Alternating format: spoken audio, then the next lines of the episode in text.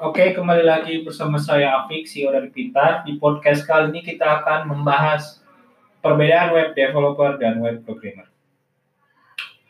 Nah, developer dan programmer sering kali diartikan sebagai profesi yang sama, baik itu di industri atau di tempat profesional.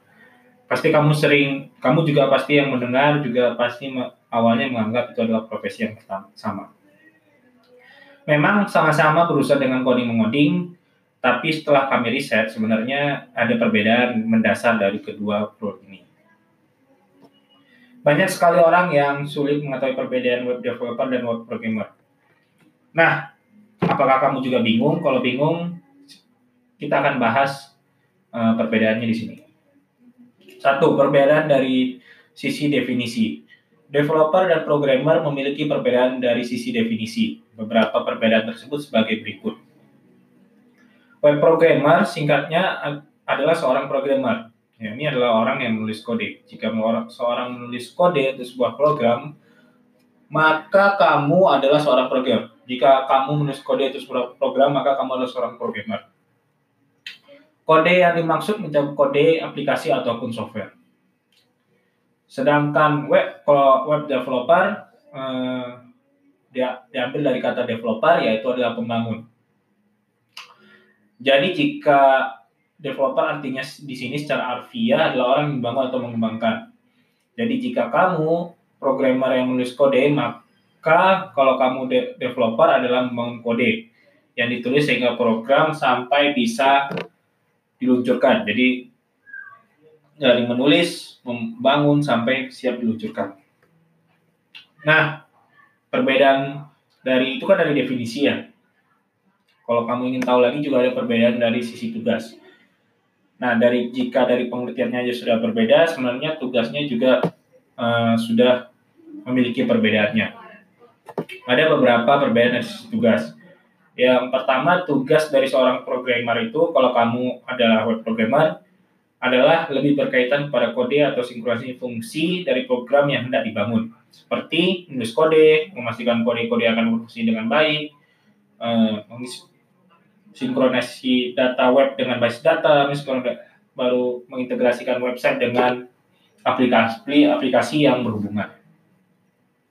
Nah, sedangkan dengan web developer, eh, layaknya seorang pembangun, jika kamu adalah developer, eh, kamu harus bukan hanya dari segi kode, tapi lebih ke arah pengembangannya juga.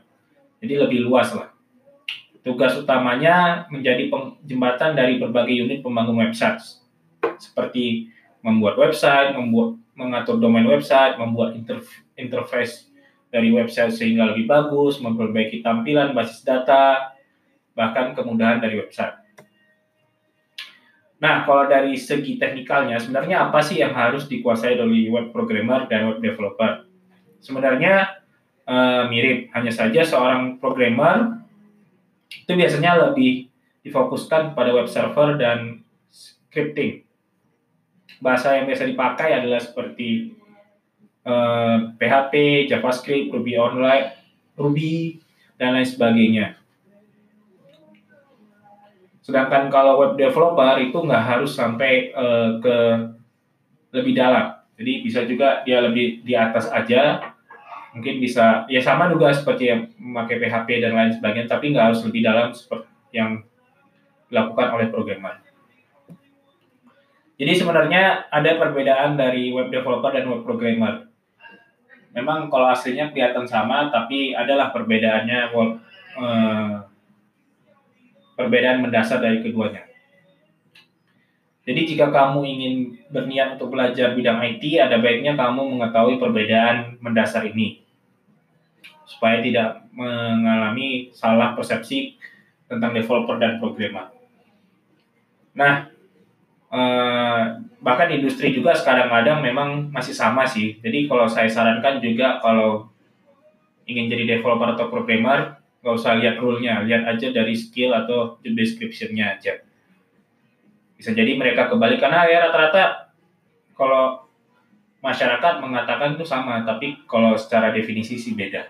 Nah itu aja sih podcast kali ini tentang perbedaan web developer dan web programmer. Kalau jika ada kritik, saran, dan lain sebagainya terhadap podcast ini bisa DM kami di Instagram di Pintar101. Dan sampai jumpa di episode podcast berikutnya.